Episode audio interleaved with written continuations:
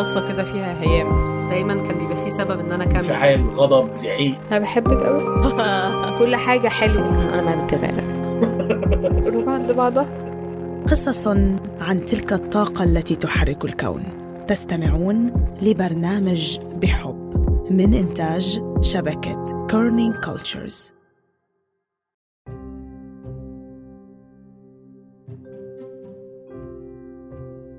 إحنا كنا دايما مع بعض في الفصل. وكنا بناخد مجموعات المدرسة أو الدروس الخصوصية كنا بناخدها مع بعض.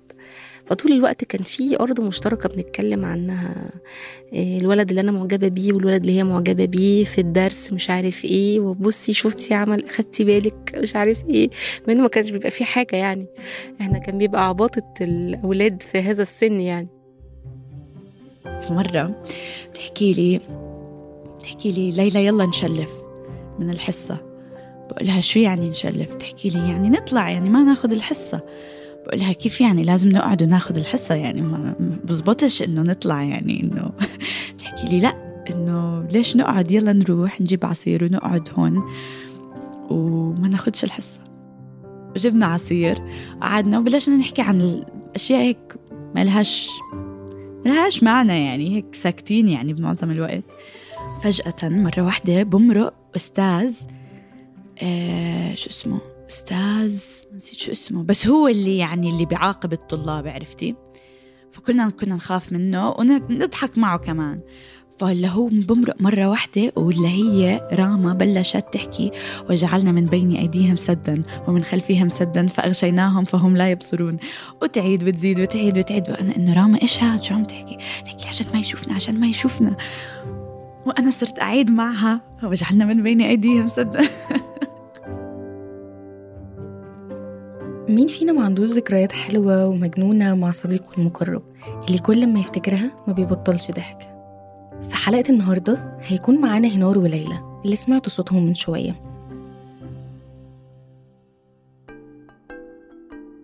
هنار عندها 27 سنة. فنانة مسرحية وصناعة أفلام من اسكندرية وعايشة في القاهرة. أما ليلى فهي كمان فنانة فلسطينية سورية وعايشة بعمان وعمرها 26 سنة. الاتنين ما يعرفوش بعض بس هما الاتنين هيحكوا لنا عن علاقتهم مع أصدقاء عمرهم واللي امتدت لأكتر من 12 سنة. سمعتوا صوت أماني عادل منتجة حلقتنا لليوم. لهلأ بتذكر كتير منيح لما أماني حكت لنا عن فكرتها. إنه بدها تعمل قصة عن الصداقة أو بالأحرى عن انفصال الأصدقاء. فتنا في نقاشات كتيرة وعميقة كفريق. بس كلنا اتفقنا إنه فعلا إحنا ما بنحكي عن هذا النوع من الانفصال. انفصال الصداقة كمان مؤلم حتى من انفصال العشاق إذا بدكم. هذا الانفصال بربكنا بيوجعنا وبيأثر فينا وبيغيرنا. خلينا نسمع من أماني. وضيوفها لهالحلقة هنار وليلى.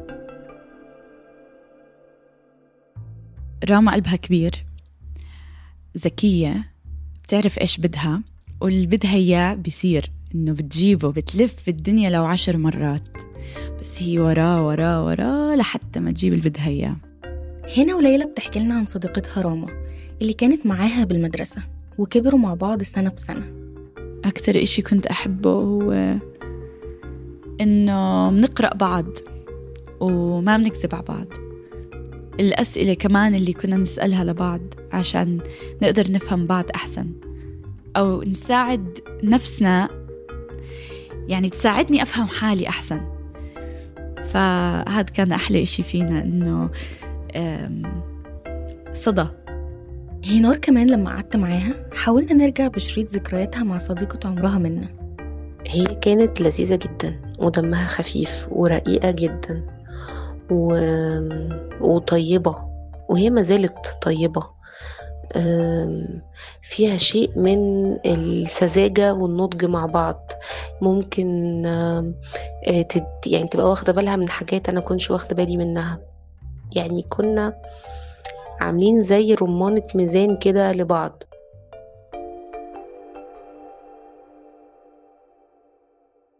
الصداقة هي قصة الحب اللي عادة بتكون غير محكية. علاقة إيدينا فيها بتكون ممدودة على اتساعها من غير خوف أو قلق. وبدونها بيحس الإنسان إنه وحيد وتايه بشكل ما أو بآخر خاصة لما بيمر بمواقف صعبة زي اللي مرت بيها ليلى لما كانت في المدرسة. آه، بصف سابع أنا كنت يعني حوالين آه ناس كتير كانوا يتنمروا علي وعلى باقي وعلى ناس تانيين كمان. فما كان عندي كتير أصدقاء اللي هم أصدقاء فعلا كنت أحس حالي إني مش محبوبة. فمرة قعدت تحكي معي إنه تحكي معي عادي. و سوري رح أبكي. تحكي تحكي معي أكنه ما مالي إشي. طبيعي يعني زي زي ما أنا هلأ عم بحكي معك. وما حسيت حالي غير. أه وما حسيت حالي إني كائن غريب. مش مفروض يكون موجود. ف بس صرنا نحكي أكتر و... ونطلع سوا. ونحكي عن الفاضي والمليان. فمن وقتها إنه عرفت إنه هذا شخص شايفني زي ما أنا شخص كامل ومتقبلني بكل إشي فيه مكسور وكل شي فيه كامل يعني متقبليته. فا آه. ليلى من اللحظة دي بدأت صداقتها مع روما. صداقة بدأت من الطفولة وكملت للمراهقة.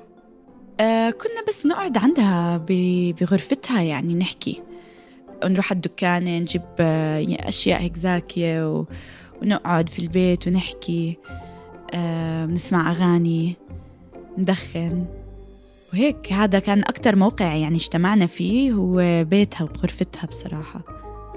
آه كنا نحب نسمع Eminem Eminem كنا نحب نسمعه كتير أنا وياها إنه ما نوقف ونصير إنه نعمل راب عرفتي؟ مين أشطر من الثانية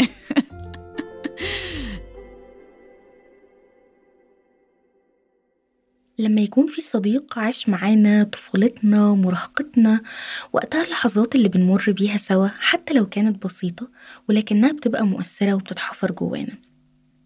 ليلى وهي بتحكي لي عن ذكرياتها مع راما خلتني أسرح شوية مع ذكرياتي اللي مش بنساها أبدا مع صديقتي المقربة. نور اللي قصتي معاها بتبدأ من وقت وسن مختلف تحديدا نهاية 2013 وأنا تقريبا في تانية جامعة. صداقة بدأت بشكل سلس وعفوي ومفاجئ بالنسبة لي في وقت كنت قافلة فيه باب الصداقة. أو بمعنى أصح الاكتئاب كان صاحب القرار. هي كانت من مدينة غير مدينتي وما بيننا حوالي ساعة وربع بالعربية. لكن ده ما كانش أبدا عائق بالنسبة لنا على مدار سنين علاقتنا. بالعكس كان مريح بالنسبة لي وكان دافع طول الوقت إننا نقرب ونقوي العلاقة ونسافر لبعض أو نتقابل في مدينة تالتة زي القاهرة. كان ما بينا ذكريات كلها تفاصيل حميمية وقريبة من القلب. الرسائل اللي كنا بنكتبها لبعض وكل واحدة فينا تلفها بشريط ملون ومعاه هدية بنسلمها لبعض في كل مرة بنتقابل فيها حتى لو بعد الشهور رحلات معرض الكتاب اللي كنا بنطلعها سوا مقابلتنا في القاهرة وتمشيتنا بالساعات في شوارع مصر القديمة وشارع المعز تحديدا وجرينا في الآخر على المحطة عشان نلحق ميعاد الأتوبيس.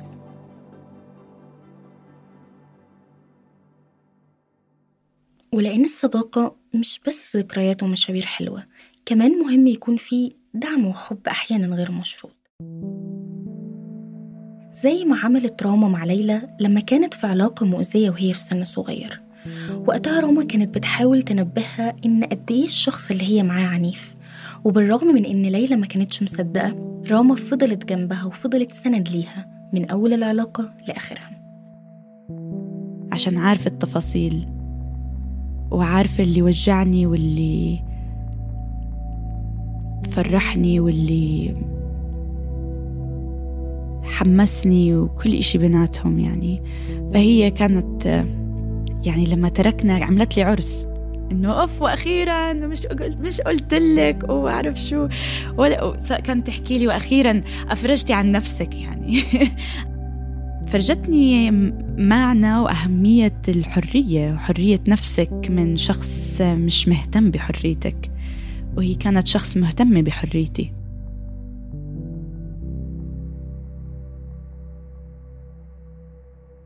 كلام ليلى خلاني أفتكر نور صديقتي وهي بتحاول تخليني أشوف الحاجات المؤذية اللي كانت في علاقة كنت فيها في فترة ما. ولما خرجت من العلاقة دي وبدأت أشوفها بشكل مختلف كنت ممتنة لوجودها في المرحلة اللي خليني أقول إن الرؤية فيها كانت مغششة تماما بالنسبة لي. فاكرة إنه في واحدة من الأيام اللي كانت تقيلة جدا على قلبي في 2016 لما اتقابلنا في القاهرة وكنت في أضعف حالاتي على الإطلاق. فاكرة إزاي وقتها خدتني في حضنها أول ما شافتني؟ وسكتنا.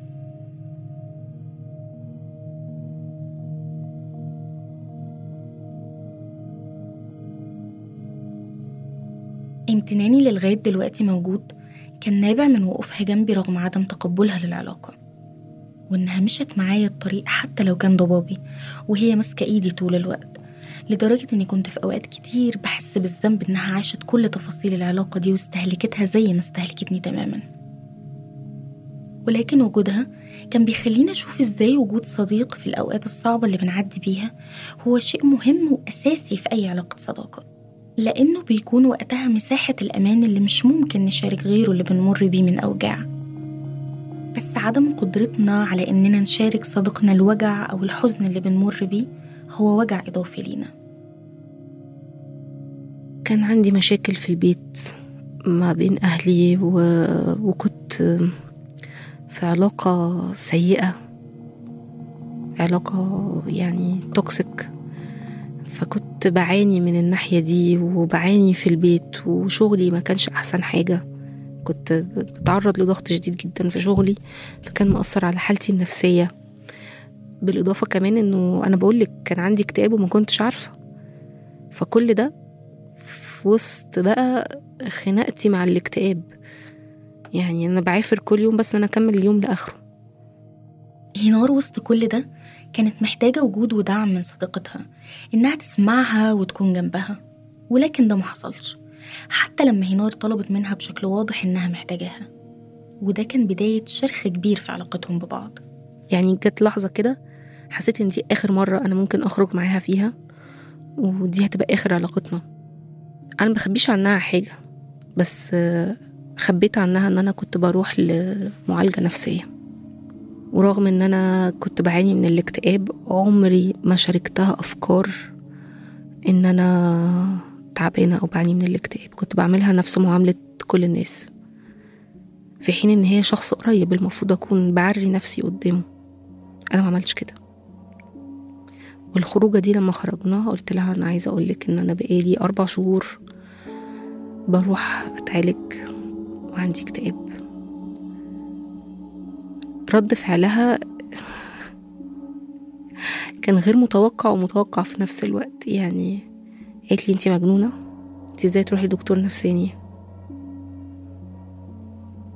لا ده غلط. وانتي إيش ضمنك؟ وهي دكتورة على فكرة. على الرغم من إن اللحظة دي كانت كلها خذلان لهنار إلا إنها كانت كاشفة بالنسبة لها.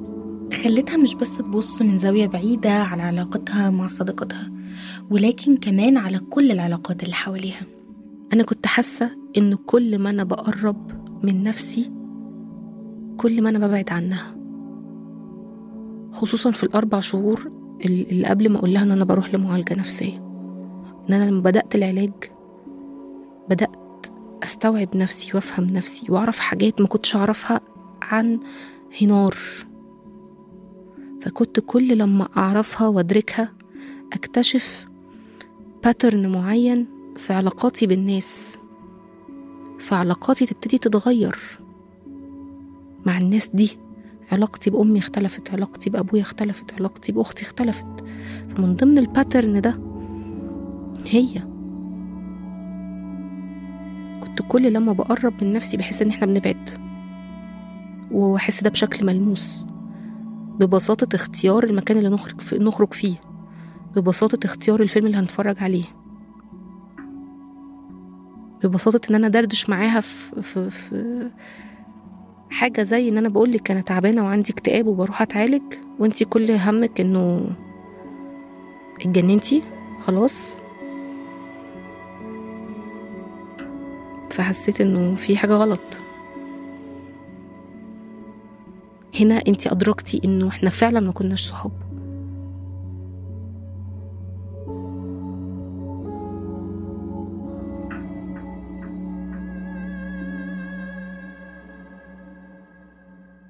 هنروح لفاصل صغير ونرجع نكمل مع ليلى.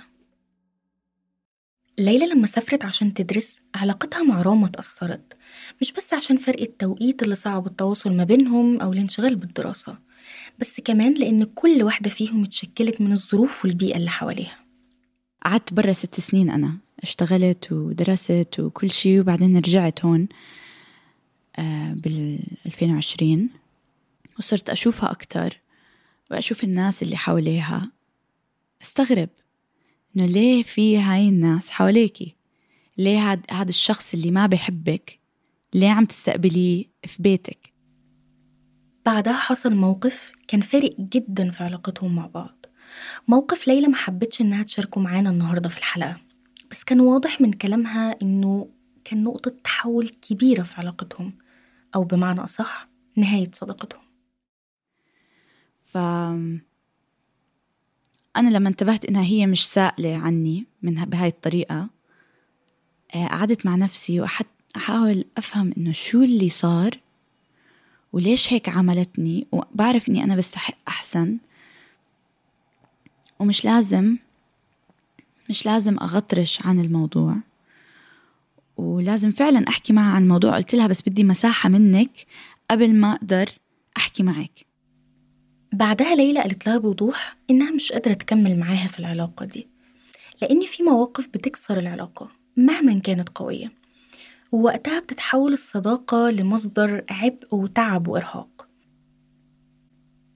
الوضوح اللي اتكلمت بيه ليلى هو وضوح مفتقد في نهاية أي علاقة صداقة لأن عادة العلاقات العاطفية بيكون فيها غالبا محادثة واضحة حوالين النهاية على عكس الصداقة اللي عادة بتموت ببطء من غير ما نفهم هو إيه اللي حصل أو بدون ما ندي لبعض فرصة إنه نخرج كل التراكمات اللي موجودة جوانا.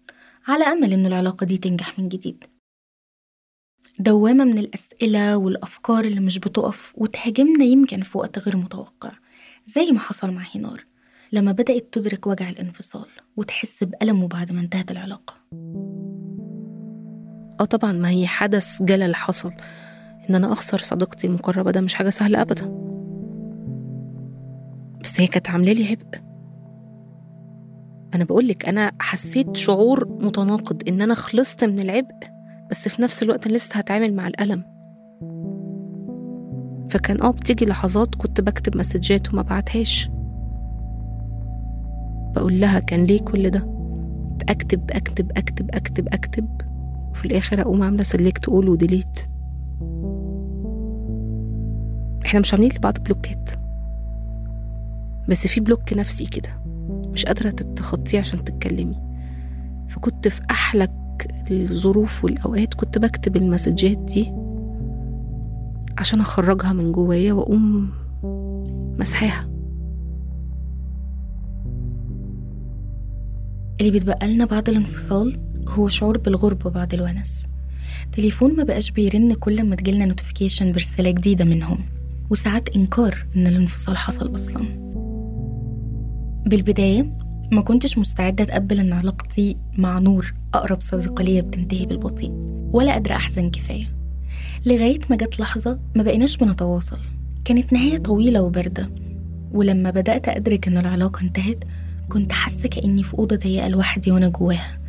وبس معايا مشاعر كتير المفروض إني أتعامل معاها زي خيبة الأمل في إن العلاقة دي ما كملتش. أو الشعور بالذنب الحزن الغضب على الخسارة والفراق. وبالتالي كان صعب مجرد التفكير في إني أرجع وأبني علاقة من الأول مع صديق من تاني بتفاصيل وذكريات جديدة وأنا لسه جوه الأوضة دي.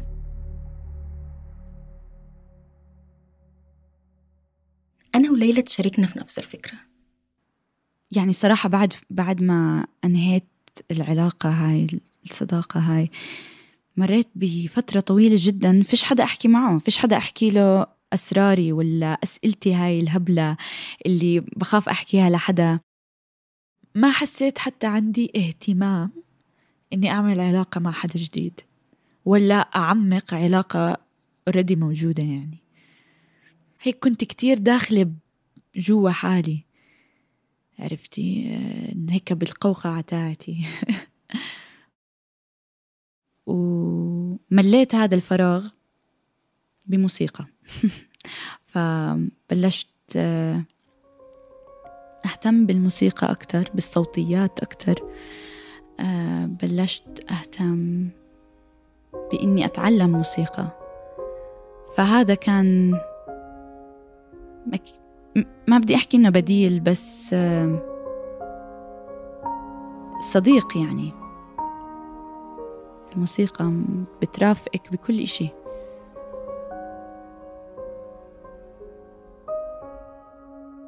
يمكن دلوقتي قادرة أفهم الفراغ اللي بتتكلم عنه ليلى. الفراغ اللي بنغرق فيه من بعد لما الصداقة بتنتهي بدون ما كنا نتوقع. فجأة بنلاقي حفرة كبيرة جوانا.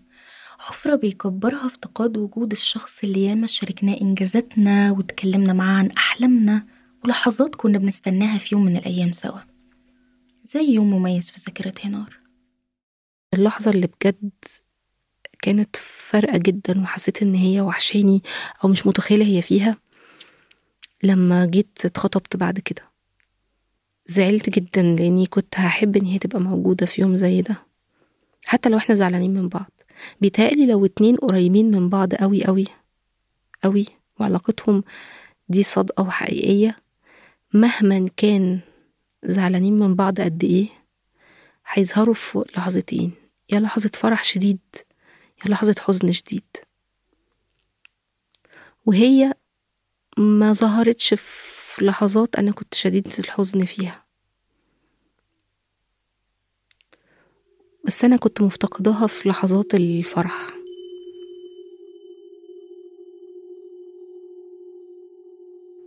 مية بالمية أكيد افتقدتها كتير. وفي بالفرح يعني هلأ إنه نفسي أقول لها إشي عن إنه خبر حلو صراحة. وبنفس الوقت يعني بعرف إنه هي إذا قلت لها هذا الخبر الحلو راح تنبسط كتير.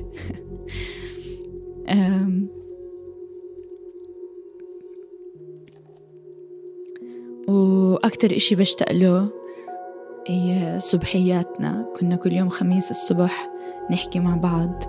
تكون هي متأخرة على الدوام وأنا متأخرة على الدوام أو هيك عم عم يعني عم بكسل قبل ما أبدأ. فبنقعد نحكي. يا اما أنا عم بشرب قهوة وهي عم بتحضر حالها وبسمع إمها هيك بال background عم بتقولها فطرتي لا خدي معك شغلة ليش هيك لابسة؟ طب حطي هاد طب بعرف شو؟ يم يا أمي خدي هاي مفتاح سيارتك وهيك عم بسمعها وبصير أنا أسلم عليها و... أبوها بصير يقول لي متى بدك تيجي عنا؟ متى بدك تزورينا؟ كان يحب سلطة أعملها وإنه كنت أعمل هاي السلطة وأروح عندهم وناكل. مش بس كمان ليلى اللي افتقدت وجود راما في حياتها. أمي سألتني إنه ليش ما عم تحكي مع راما؟ إنه وين راما؟ زمان ما شفناها. قلت لها أنا وياها إنه اضطريت أتخلى هاي عن هاي الصداقة وهي تحكي لي لا وليش؟ وشو يعني؟ وحتى لو حدا بغلط وهاي القصص. كل عيلتي بتسأل عنها.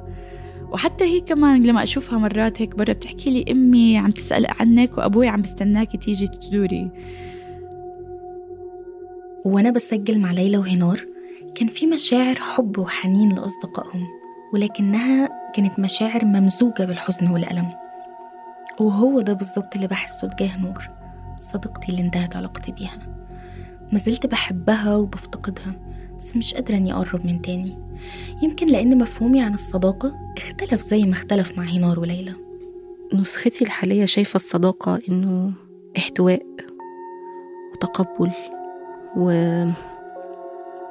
ودعم وطبطبة عند اللزوم وحب آه، غير مشروط. يعني انتي بتلاقي شخص بياخدك تحت جناحه كده لما تخشي مكان جديد و... ويديكي حب ودعم واهتمام. فبقيت مدركة إن العلاقات اللي فيها عبء هي علاقات مؤقتة. صداقة هتيجي تاخد فترتها وتخلص. الصداقة لليلى الصغيرة ممكن تحكي لك إنه شخص ألعب معه.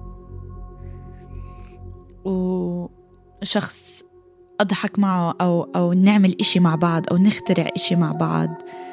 أه ولهلأ عندي هذا المعنى يعني من وأنا يعني إذا بدي أفهم شو معنى الصداقة رح أرجع لأنا كيف فهمتها وأنا صغيرة عشان بحس هاي كانت the purest form. يعني إنه إذا ما في فضول ما في لعب. إذا ما في لعب إنه شو هاي الحياة؟ يعني إنه إشي بزهق صراحة. يعني حلو الواحد يكون كمان يقدر يكون خفيف وتقيل مع الشخص. كل شي بيناتهم.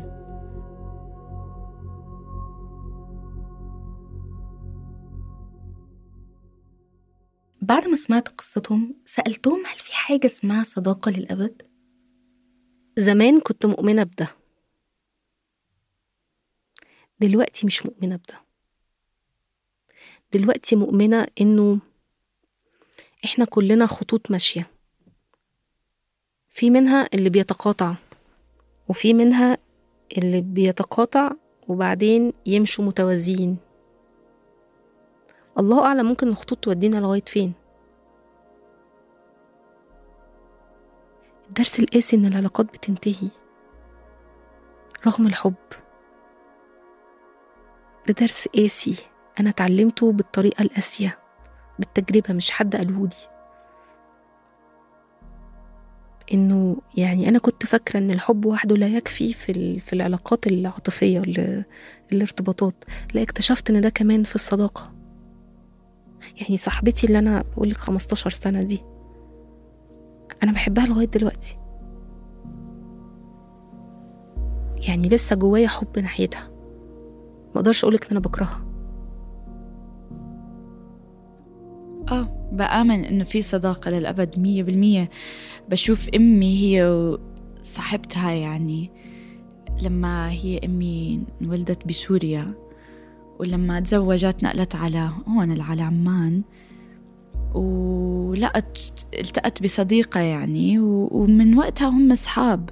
ولما أشوف صداقتهم ببكي يعني من جوا عشان ما أحلى هالصداقة اللي أنتوا التنتين متقابلين بعض زي ما أنتوا ومع كل تغيراتكم ومع آه كل ال يعني العيوب آه آه مع كل آه الأشياء الحلوة والعاطلة وال, وال, وال يعني كله.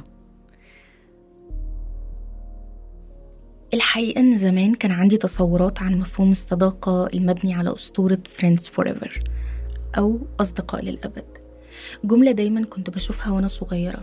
مكتوبة على حيطان الفصل أو محفورة على الديسك اللي بنقعد عليه. مكتوبة جوه قلب بنرسمه وطالع منه سهمين بأول حرف من اسمنا واسم صديقنا المقرب. التصورات دي ممكن نقول إنها تصورات أفلاطونية تماما وبعيدة كل البعد عن الواقع. تصورات غايب عنها التغيرات اللي ممكن تحصل لنا في الحياة. واللي ممكن تأثر على علاقتنا مع أصدقائنا المقربين واللي يمكن ننفصل عنهم بعد عشرة سنين زي ما حصل معايا ومع ليلى وهنار. بس يمكن بقيت بشوف إنه مش من المفترض إن كل العلاقات تفضل موجودة ومكملة معانا للأبد وإن كان صعب عليا شخصيا إني أتصالح مع ده أو أتعامل معاه لغاية دلوقتي.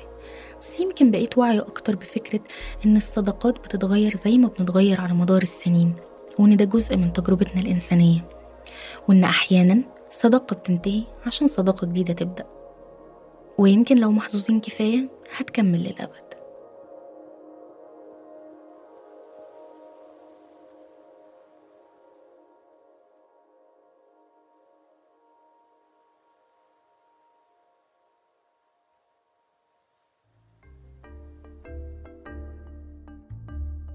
هاي الحلقة من إنتاج أماني عادل ومن تحرير رند خطير وأنا شهد بن عودة. شكر كبير لضيوف هالحلقة. شكرا لهنار ولليلى لمشاركتهم كل هاي التفاصيل اللي كتير شخصية. شكرا للدعم التحريري من الفريق العربي التصميم الصوتي لبول ألوف. طبعا كالعادة بنحب دايما نذكركم إنه تقدروا كمان تتابعونا على الإنستغرام على تويتر وعلى كل مواقع ال social media. أما آخر طلب نطلبه منكم إنه إذا حبيتوا هاي الحلقة ما تنسوا تشاركوها مع مع أصدقائكم وأحبائكم.